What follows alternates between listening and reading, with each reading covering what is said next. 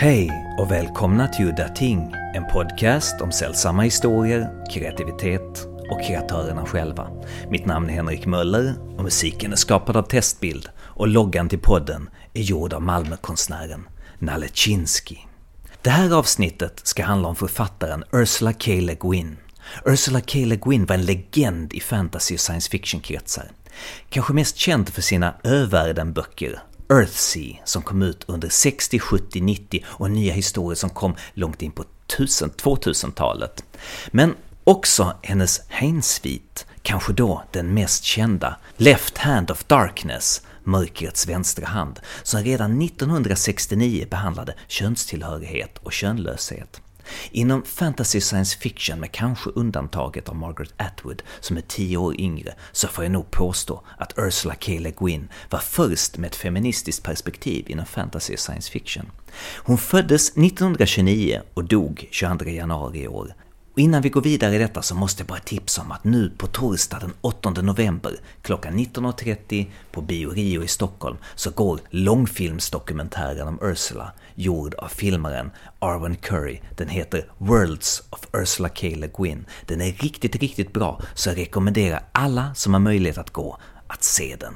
Och det är filmaren Arwen Curry som är dagens gäst och ska prata med mig om Ursula K. Le Guin och hennes dokumentärfilm. Hon har följt Ursula i tio år med sin dokumentärfilm, så jag kan inte tänka mig en bättre gäst. So, can you remember one of the first novels you read by Ursula that made an impression? I think the first one I remember was The Lathe of Heaven, which is her novel. Um, I think it was set in the it was set in the future. I think something like 2006. Uh, so it's the past now, and it's a novel about a man whose dreams change reality, and so he has these vivid dreams, and he wakes up and everything is different, but he's the only one who knows it. And this was very compelling to me when I was a kid uh, to think about this constantly shifting reality that that only you w- could be aware of, and uh, you know the idea that the world could be kind of moving under your feet all the time. Fascinated by the um, idea that reality maybe wasn't reality at all.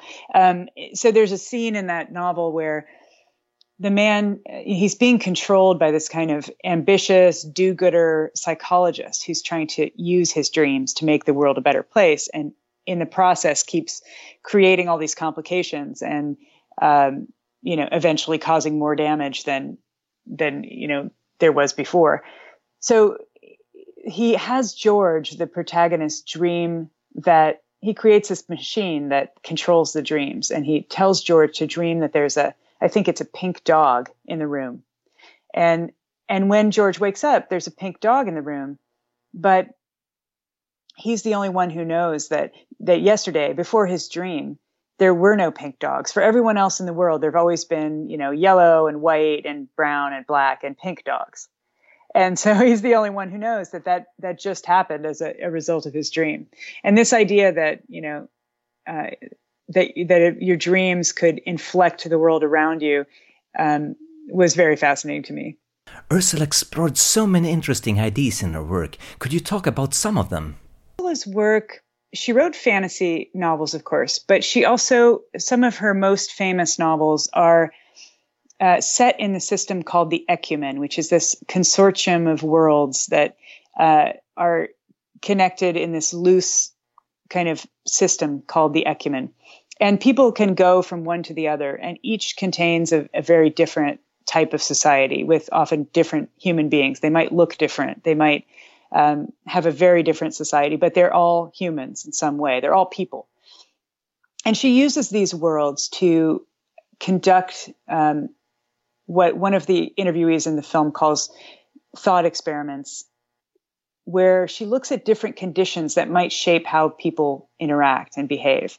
And she used her novels really as these anthropological or ethnographic experiments, but that are done in this very beautiful language with these very clear, simple stories and, and characters that that often encounter each other or meet each other across these you know gulfs of of different cultures.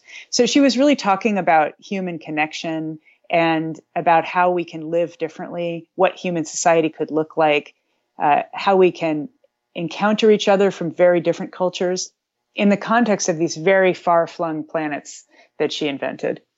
Uh, so the ideas are very rich, but I think they would not have survived on their own if it wasn't for her um, very clean, clear prose and her beautiful use of language. When you talk about Ursula, I almost immediately think of Margaret Atwood. I know they were contemporaries, but were they friends? Or more importantly, did they ever collaborate on anything? Margaret Atwood and Ursula Le Guin um, knew each other and were friends. Uh, our, Margaret Atwood is, I think, a decade younger than Ursula was, which she was quick to point out to me when I interviewed her in the in the film. So they weren't exactly contemporaries, but they were, um, you know, they were also, you could say, within half a generation of each other.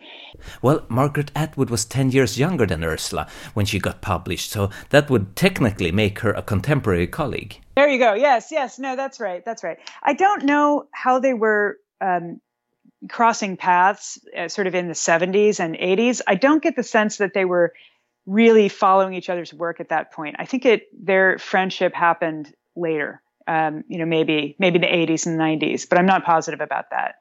Um, they did have some friction, but it was friendly.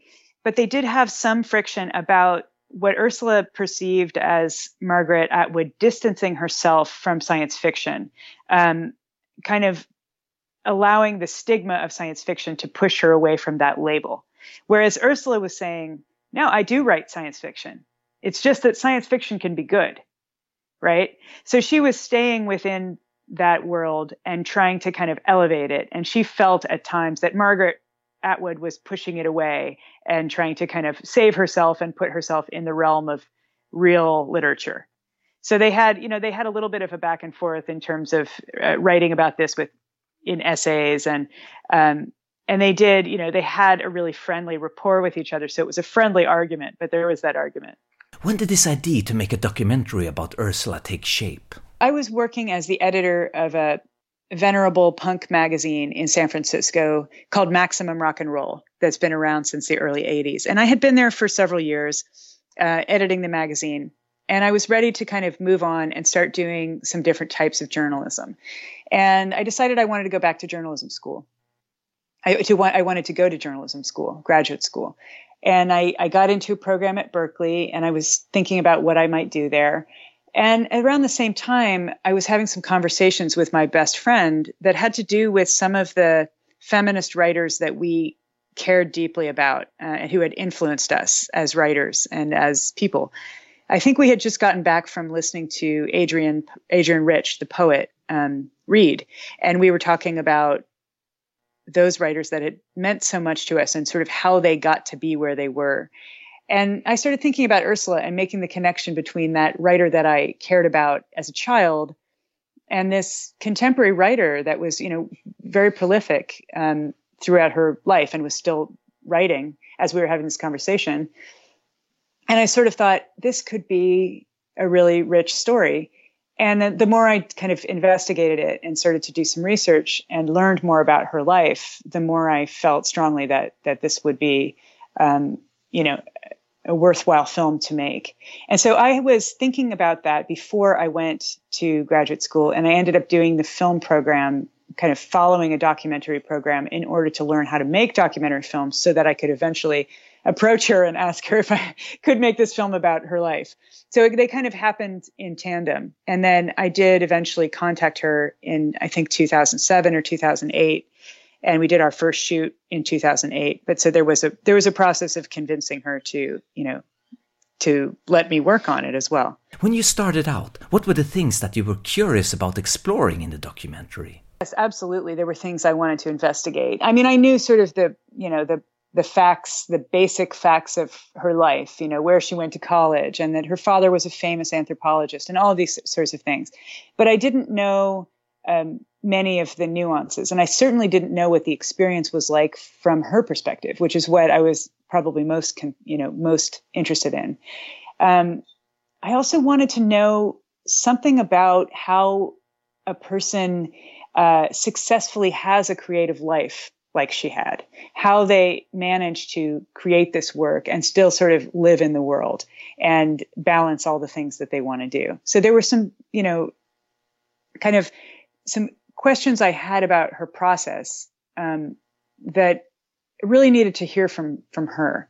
And um, and I did learn a great deal uh, the whole time. I never stopped learning from her. You know, throughout the entire decade that we were filming, which is not one continual decade of filming, but you know, here and there when I got the funding and I got some money um, over the course of about ten years.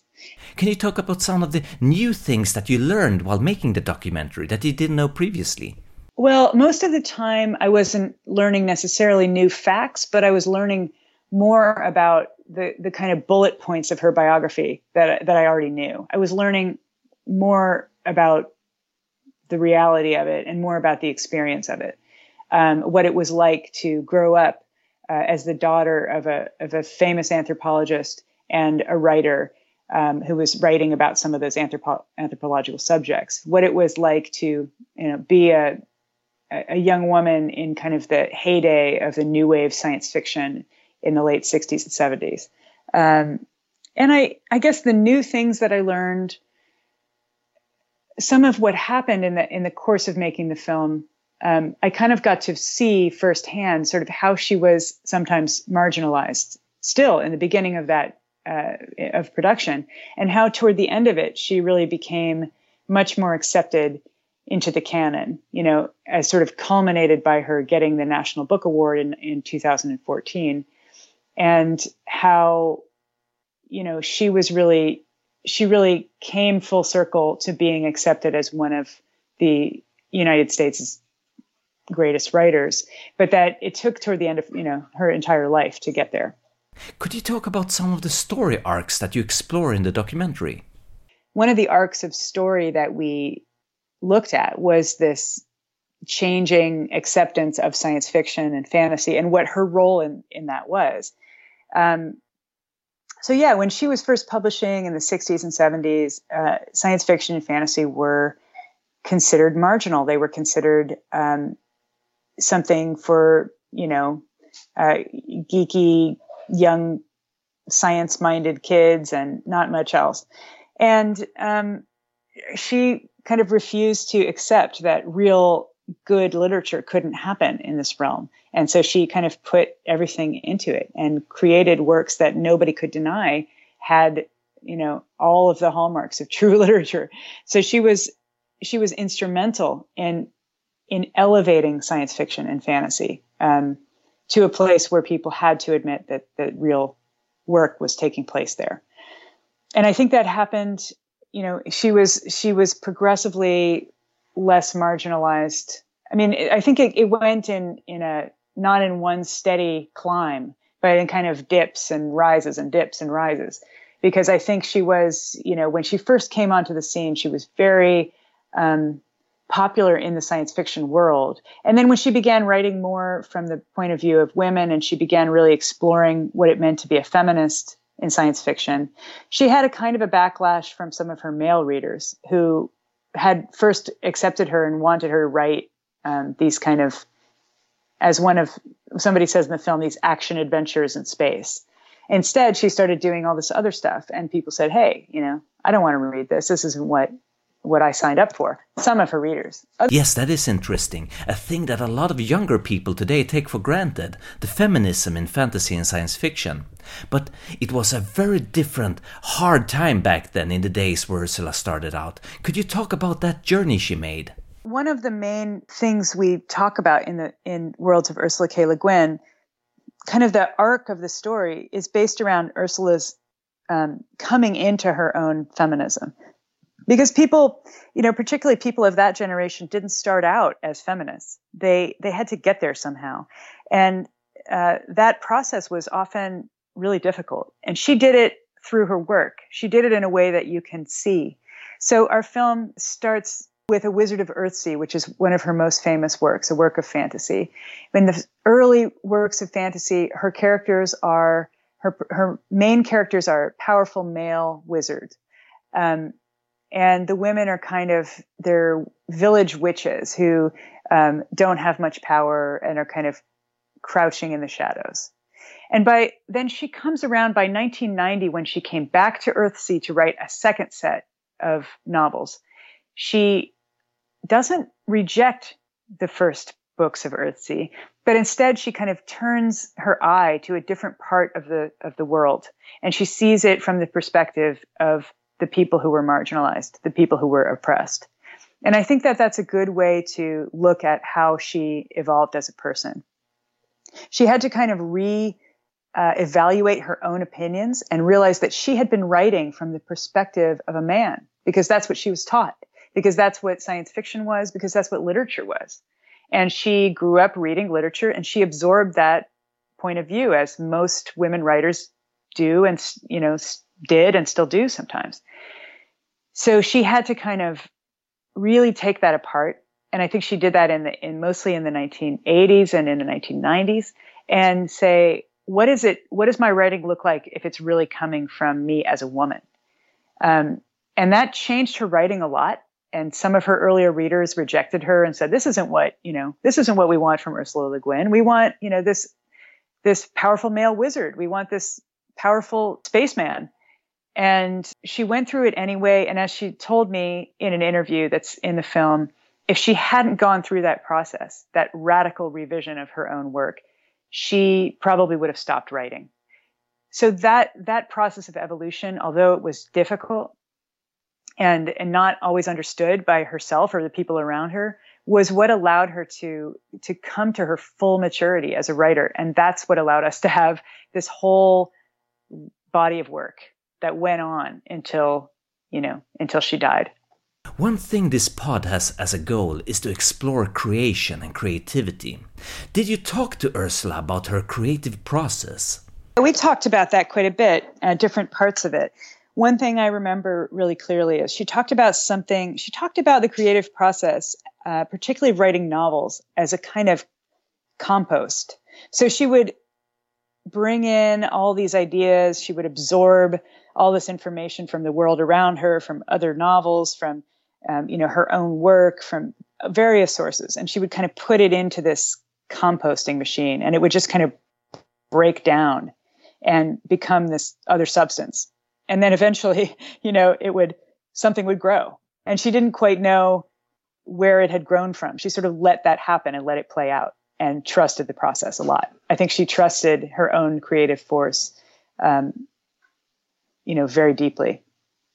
And uh, that was, you know, she talked about that. She talked about how important place was, and we kind of structured the film around that also in a little a little bit, and that we we went with her to the places that inspired some of her most famous and um, convincing imaginative worlds, like the the southern Oregon desert and the the coast um, the Oregon coast and the Napa Valley in California, some of the places that that she first sat in and germinated the images of of her. Let me scratch that. Some of some of the places that inspired the city of Havnor in Earthsea, that inspired um, the tombs in Tombs of Atuan. So uh, she talked about place as the thing that came to her first he said, place comes to me first, and then the people grow up in the place. So she would first imagine a landscape, and her relationship with places was really deep. Um, she felt very connected uh, to certain places and would go back there over and over again in her life. Um, and so we try to go to those places in the film. And then the people came from this environment that they lived in, and she would imagine them as inhabiting the place, and their culture would spring up from those first, you know, those first images of the place. But who inspired Ursula? Did you talk to her about her predecessors, maybe people like Tolkien? I talked with Ursula a great deal about Tolkien. She um, she loved Tolkien and she loved Middle Earth, and she read those novels to her three children that she was raising as she was writing her her books. Um, and she read them, I think, several times to her kids. And she talked about how Tolkien uh, helped create an environment in the late 60s where fantasy could kind of start emerging from you know something that only belonged to children and start being something bigger than that something more um, not that there's anything wrong with work for children but that something that had more possibilities and that people started to take seriously. Um, so she talked about tolkien as kind of proving that people cared uh, about fantasy when it was done right, and also that you know that he set this pace for um, creating a world with really strong rules that you had to follow. You know, a, a very coherent fantasy world. And she was influenced by many other writers. She was uh, influenced and by science fiction writers of the same period who were um, and and just before her who were kind of interested in those ideas of uh, anthropology and ethnography and, and, culture and even you know the human mind that people were moving away from just talking about the technology and started talking about relationships and what was going on in psychology and what was going on in sexuality and kind of looking at the different possibilities for what science fiction could do. So she was reading a great deal of what her contemporaries were doing. And I think she read, uh, you know, she admired uh, Cordwainer Smith and Theodore Sturgeon, uh, certainly Philip K. Dick. She read um, Vonda McIntyre. She read, I think, everyone who was writing at the same time, and she had strong opinions about all of it. And she, you know, immediately started correspondence with many writers. Um, and I did a, a lot of reading of that correspondence when I was working on the film. That's really interesting. Could you share something that was in those letters? I'll, I'll share two things. One is um, I, I, spent a long time reading Ursula's letters back and forth between her and, and other writers. And she wrote prolifically. She obviously had loved these conversations that were taking place over the mail. They they obviously were exciting and vital and full of exclam- exclamation points and you know terms of endearment. And it was really lovely to to read all of that and see how um, how vital and exciting everything was at the time in science fiction. So there was one set of letters between her and philip k. Dick. I should say they weren't a set. They were really just his letters to her Usually she saved copies of her own letters so you could read the entire correspondence, but for some reason there was only copies of his side of the correspondence. And they were so funny because um, I don't think that they were close friends. They were admirers of each other's work. And he would start the letter by saying, you know, I really loved your latest story and whatever magazine, you know, fantasy and science fiction magazine. You know, it's, I'm so excited about that. It's really great. So anyway, last weekend this chick came to stay with me and we just went on this trip and it was crazy. And then there would be like six pages of just him talking about his various adventures and relationships and just just like a stream of consciousness that had nothing to do with her or you know anything that they shared in common. But it was so well written and engaging that it was just like mesmerizing to read uh, so that was one thing that was one like little gem in her correspondence. And then another kind of more important um, set of letters was between ursula and james tiptree jr do you know james tiptree jr no.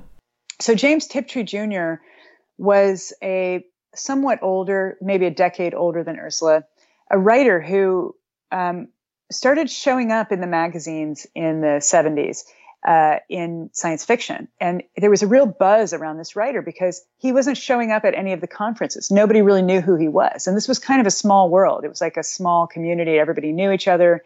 And here was this guy writing these really kind of electrifying um, short stories with titles like uh, The Women Men Don't See and, you know, really kind of explosive stuff about men and women and and power and um, people were excited. He started winning awards. And then nobody knew who he was. So Ursula had started a correspondence with him and they wrote these letters back and forth that became, you know, very friendly and um, kind of affectionate. And they would kind of talk about everything going on in the science fiction world. They would talk about their work. Um, they would support each other. And then it, what happened was someone in the science fiction community found, like basically did some detective work and found out who James Tiptree Jr. was. There had been some speculation that it might be a woman, and then other writers had shot that down saying a woman couldn't write these stories. These stories are obviously written by a man. So it turned out that in fact, James Tiptree Jr. was a woman named Alice Sheldon, and she was a very interesting woman. She had been a CIA agent. She had grown up on safari with her parents in Africa, who were big game hunters. she had this very fascinating um, biography, and she had these stories to write, and she wrote them as a man, and she really was kind of, in some sense, a man and a woman at the same time. And so she had to kind of come when she realized that her identity was going to be uh, released to the world. She wrote Ursula a letter that said basically, "I have to tell you something. I'm actually not Tip, as you know me. I'm not James Tiptree Jr. I'm a woman. I'm a middle-aged woman, you know, living in a suburban home with a husband. And um, it was like this, you know, Ursula had no idea, no idea. She had been almost flirtatious in her letters, you know, and and I think it was like a marvelous revelation. She said, "Oh, you marvelous thing, you." You know, it was just like such a surprise that and such a delight, and that was really, um, it was it was really interesting to read that correspondence. Could you talk a little bit about Ursula's legacy? She inspired so many people, and among those people, many writers. I think you can safely say that Ursula Le Guin inspired several generations uh, in her lifetime of writers, and I'm sure she will continue to inspire many more. Um, so she had the writers she was working alongside in the 60s and 70s, but then there were generations that came after that, and they benefited from her having kind of raised up the bar uh, uh, for work in science fiction and also broadened broadening its scope so that many many more different kinds of ideas could be explored um, or, or just kind of doing it first so that you could see what could be done. She really took it you know to to um, to its limits.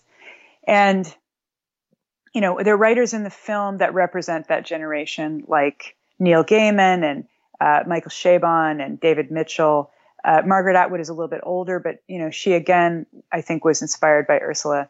Um, you know I'm not sure about that. I wouldn't want to say that actually about Margaret Atwood because she might not agree with that. That she was really inspired in the same way. But I, I will say that an entire generation of writers who are now I would say in their 50s um, really inherited something from Ursula of tremendous value, which was uh, the ability to use fantastic elements in their work without the risk of this kind of stigmatization and marginalization, um, or much less of a risk than Ursula's generation faced. So, because Ursula and some others did it before them and kind of showed that excellent, excellent work was being done in these fields, and uh, that so many different kinds of ideas could be explored there these other writers said, you know, I can do whatever I want. I can use these tools and I'm going to. And those include, those writers include Michael Chabon and uh, Neil Gaiman and David Mitchell. And uh, th- there are many, many other writers, Zadie Smith, I would put in that category, who kind of use these fantastic elements and are unafraid um, to be put in a marginal category. So that's a beautiful gift to leave behind. And then I think that the ideas themselves, the kind of project she had of imagining a radically different world, that project has been inherited by an even younger generation of writers um, within the science fiction world who are saying, we want to have a radical vision. We want to have a feminist vision. We want to have a vision where uh, gender is fluid. We want to have um, a vision where there are different kinds of power in you know that that operate in the world and they i think take her utopian visions and her complicated utopian visions to entirely new places so i think her legacy actually refracts in different generations in different ways and it will continue to do so because it's so um, it's so generous and so complex. Och med de orden var det slut för den här gången. Mitt namn är Henrik Möller Musiken är skapad av Testbild. Hej då!